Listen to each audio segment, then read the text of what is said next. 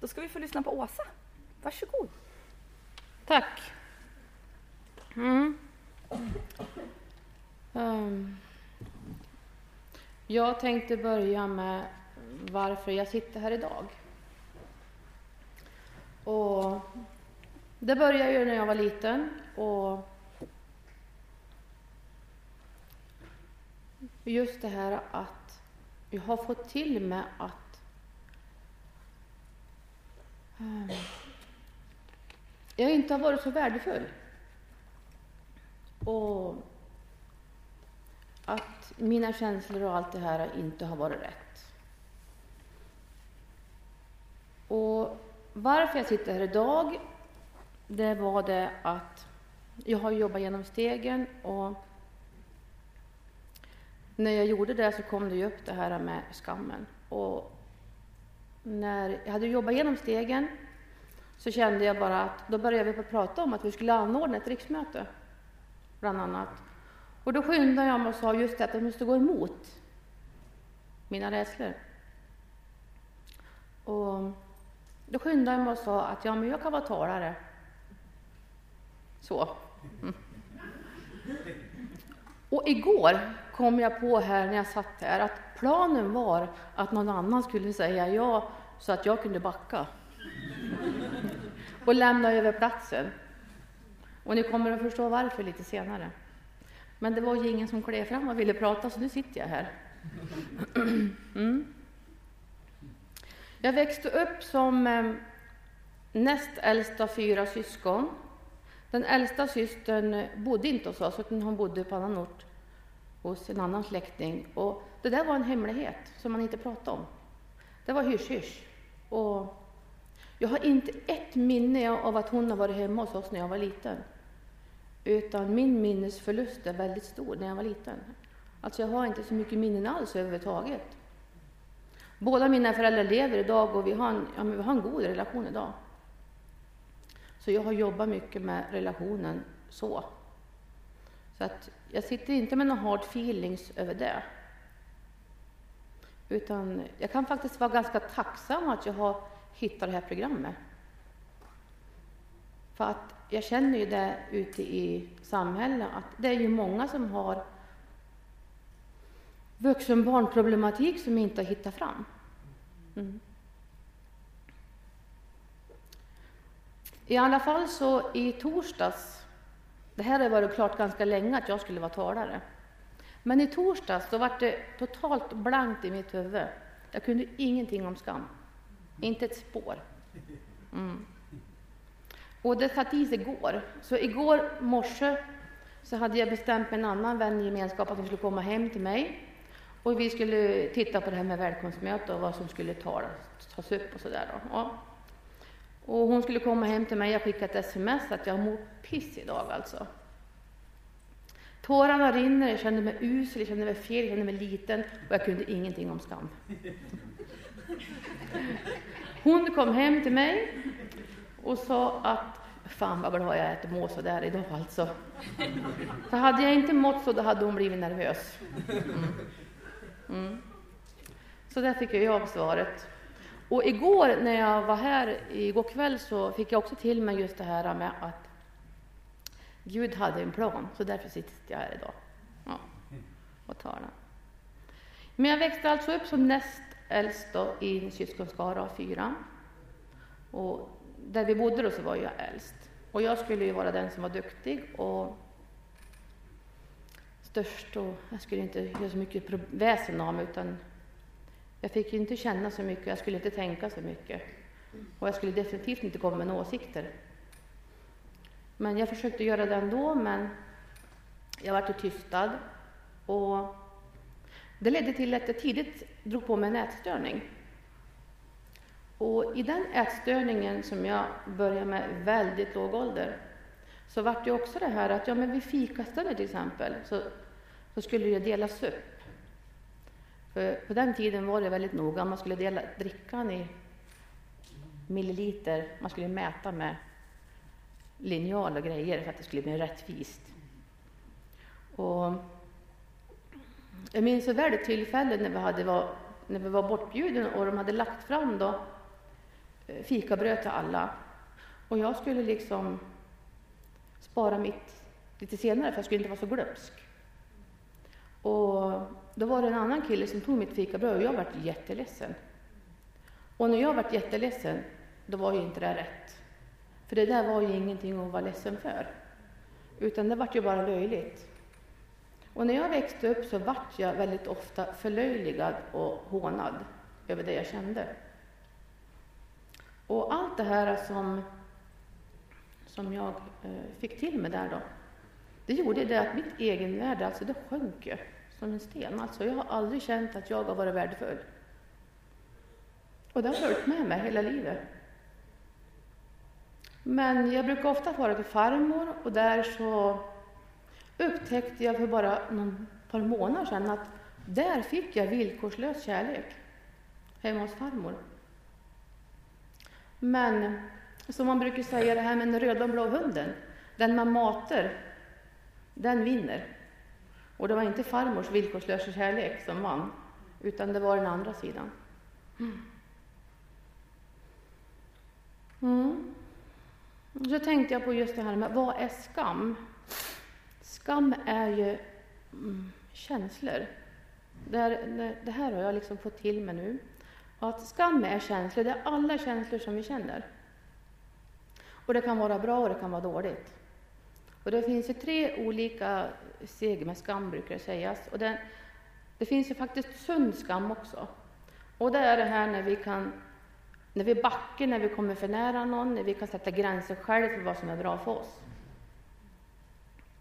Och jag har varit gränslös väldigt mycket och jag har haft väldigt svårt att sätta gränser. Och jag har även klivit över andras gränser. Så redan där, på den nivån, har jag ju brustit där då. Sen har jag kommit den här mildare skammen där, eller den här måttliga. Och mm. Jag ska börja med den här milda skammen där. Där eh, så har ju min självkänsla och självförakten fått växa i den där milda skammen eftersom jag kliver över åt båda håll. Så har de här Alltså jag har inte varit speciellt snäll mot mig själv. Jag har inte varit snäll mot andra och jag har speciellt inte varit snäll mot mig själv. Inte kärleksfull för fem öre. Jag har känt mig otillräcklig, fel, konflikträdd. Mm. Självanklagelse har jag och så har jag haft en väldigt taskig kroppsuppfattning som har hängt ihop med nätstörningen som jag haft sedan jag var liten. Då.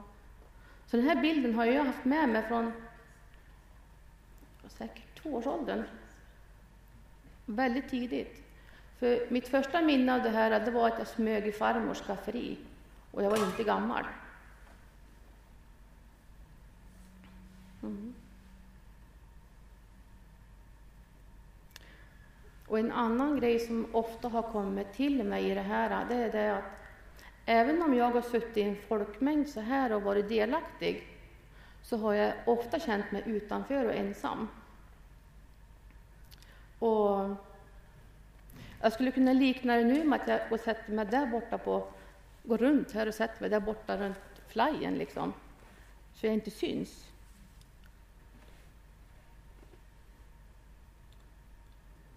Och det jag inte har greppat det är det att nej, men det är ofta jag som har gått undan.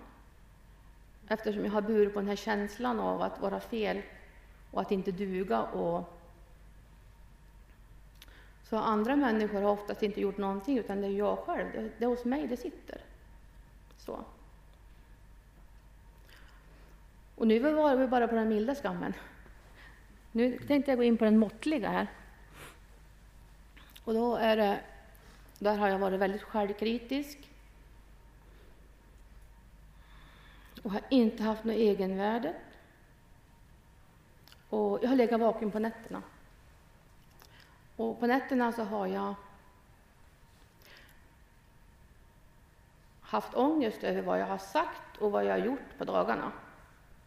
Så jag har legat vaken och snurra och snurra och snurra och det har varit som en skiva i mitt huvud alltså, som har liksom gått igenom allting som jag gjort och sagt på dagen.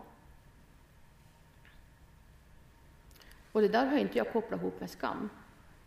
Och att det har varit för att jag har varit värdelös, eller känt mig värdelös. Vi har inte varit värdelös, men jag har känt mig värdelös. Men eh, det är det som har varit där. Och jag har varit väldigt styrd av mina rädslor. Så rädslorna har ju liksom varit det som har styrt mitt liv så gott som hela livet på olika sätt.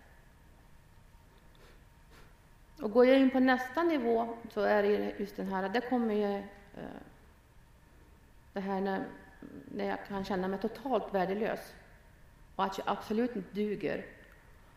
Och om man får sjukdomar så kan det också ligga där under. Och beroendesjukdomen ligger också under den där massiva skammen som suger musten ur en. Så jag har ju liksom varit i hela registret.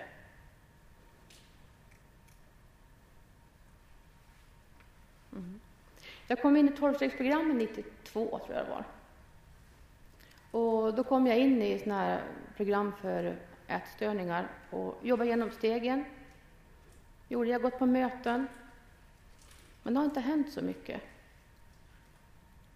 Jag tyckte att mötena har varit jättebra och det har varit väldigt givande. Alla möten har varit givande. Jag har aldrig gått på ett möte där jag har känt att oh, fan, jag kunde lika gärna kunna vara hemma. För jag har ju alltid fått till mig någonting. Men det har inte hänt så mycket på insidan så, som jag hade önskat. Just den där med den nyckeln som man pratade om, att man kan låsa upp, alltså man känner att nu händer någonting här. Jag hittade till Alanon och gick på sådana möten och det hände inte så mycket då heller. Och sen hittade jag ACA och det hände inte så mycket då heller. Jag gick på möten. Men det var aldrig någon som pratade om det här med att jobba i stegen eller att det var bra att jobba i stegen. Det var aldrig någon som pratade om det då. Så det slutade med att ja, men jag lämnade tolvstegsprogrammet ett tag och, och levde bara för mig själv. Liksom.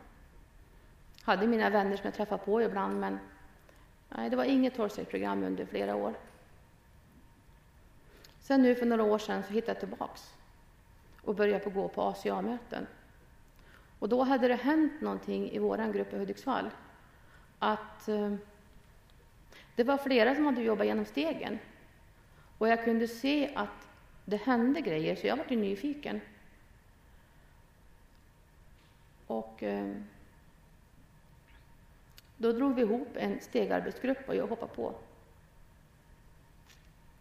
Och när jag jobbade genom stegen, och det var ju tillfrisknande vänners litteratur då, för då visste jag inte ens att det fanns på engelska. Men eh, när jag jobbade genom de stegen så eh, hände det saker i mig. Och där jag kände att ja, men nu börjar det på hända grejer. Och det återkom ofta den här skammen. Skammen var ju jättetydlig. Och hela tiden, alltså jag var fel, jag var ett offer och rädslorna styrde. Så vi jobbade genom stegen och höll på ett år och sen så efter det så gjorde vi så att vi tog och gjorde en studiecirkel om skam. Så vi jobbade genom en bok om skam i den gruppen, så fortsatte vi. Och där fick jag ju lära mig ännu mer och se ja, men alltså hur pass det har påverkat mig från när jag var liten och uppåt.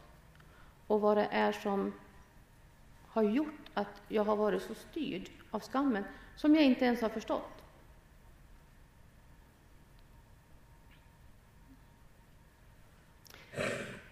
Jag har satt upp folk på pedestal för att alla andra har varit så mycket bättre än mig i alla år. Så jag har satt upp folk på pedestal och de har inte suttit kvar. De har hoppat därifrån. Så provade jag själv att sätta upp mig själv på pedestal, men det var inget bra det heller. Så att, ja.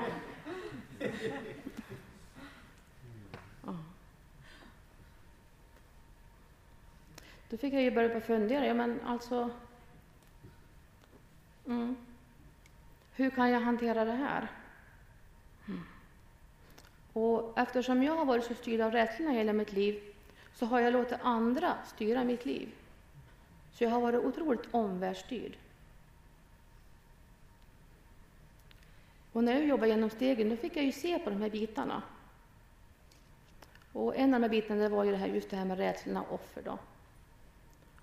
Och jag fattade liksom inte riktigt, för jag fick inte kopplingen ändå. Alltså, för jag har aldrig känt mig som ett offer. Jag har känt mig stark, för eftersom jag, om jag har varit svag, då har jag varit fel. Så jag har ju varit tvungen att vara stark. För om jag har varit fel, då har jag varit, då har det blivit katastrof. För att jag måste ju vara stark. Så. Mm. Och, men jag har liksom inte fått ihop det. För eftersom att jag kände mig stark och jag kände mig inte som ett offer. Men jag har haft jättesvårt med de som har betett sig som offer. Alltså jag harmas så mycket på folk som har betett sig som offer. Det finns inget värre folk. Mm.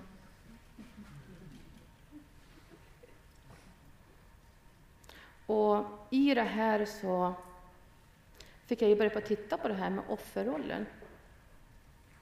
Alltså, vad är det som händer i mig egentligen? Och det bottnar ju mycket i det här att jag har varit fel, jag har känt mig fel. Och när jag har kommit in i ett rum så har jag ju genast känt av känslor. Har jag kommit in i ett rum, eller på jobbet till exempel, och ingen säger, säger inte hej när jag kommer, så har det genast varit fel på mig. Så att jag har alltid anklagat mig själv först och främst. Innan, för att andra har ju, har ju varit felfri. De har suttit på pedestalen, fast de har ju hoppat av emellanåt. Men det är ju mig själv jag har slagit på mest. För att om jag kommer in någonstans och de kanske inte hejar på mig, då har det varit mig det har varit fel på. Och det har ju gjort att jag upptäckte det här att istället för att säga det här vad jag vill, så har jag frågat om lov. Får jag vara med? Istället för att säga vill jag vara med? Så upptäckten som jag gjorde här, det var det att i den här rädslan så vart det ett jättestort ego, för allting handlar om mig. För att allting handlar ju om mig och vad mig det var fel på hela tiden. Och när jag började titta på det här och se att ja, men andras del då, kan inte de ha någon del? Är alla delar på mig? Är allting mitt fel? Alltså det lät ju orimligt. Så. Så att då fick jag ju börja titta på det här. Allting kunde ju orimligt hänga på mig och vara mitt fel. Utan andra människor måste ju ta hand om sin del. Så då fick jag ju börja på jobba med det här och titta på att ja, men jag ska ta ansvar för mig. Och även om jag känner mig fel så behöver jag inte vara fel. Det här har jag haft jättesvårt med. För bland det svåraste jag har haft, det har varit det här med ärligheten. För om jag har varit ärlig och sagt hur jag känner mig, så har jag blivit sårbar. Och att vara sårbar, när jag har haft den här känslan, det har varit bland det svåraste som finns. För då har jag verkligen öppnat upp. Och det var ju det jag gjorde här nu, den här, slutet på den här veckan, eh, när tårarna rann och jag kände mig usel och liten och värdelös. Jag kunde ingenting om skam. Mm. Då öppnar jag upp mig själv inför det här för att våga vara ärlig och våga visa mig sårbar. För jag vet ju ändå i tolvstegsprogrammet att det är ju genom att vara ärlig och att våga vara sårbar som jag delar med mig av det jag har fått till mig. Och är det en person som blir hjälpt av det jag kan dela med mig av, ja men det är väl det jättebra.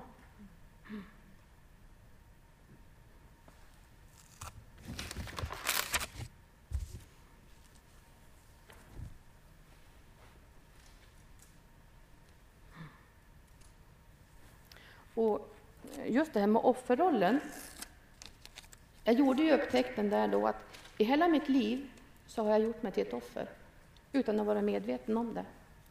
Genom att jag har gått och frågat får jag istället för vill jag.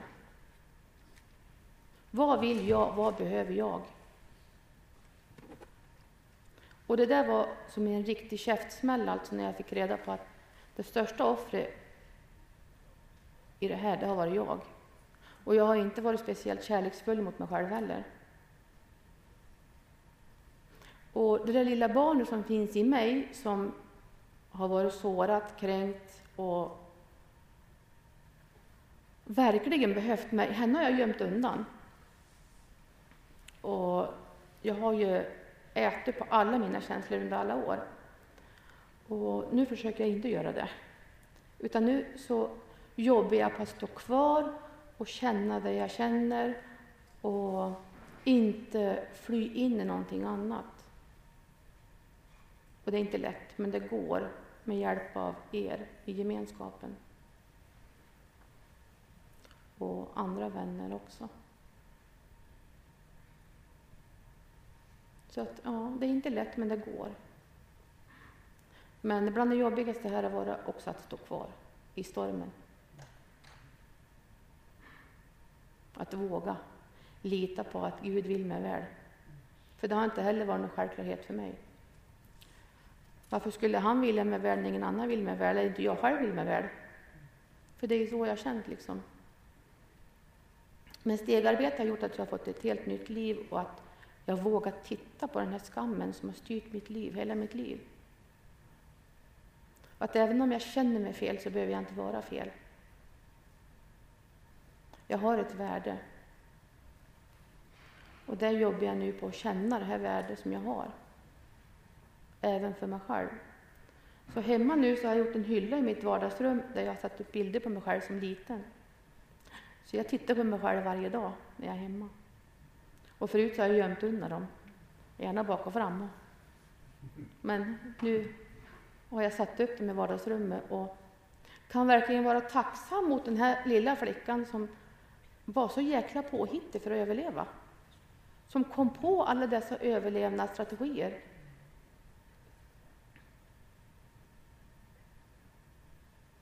Jag måste ha varit fiffig. Ja. Nej, jag är otroligt tacksam för att jag har fått den här chansen. Och att jag har överlevt, höll jag på att säga.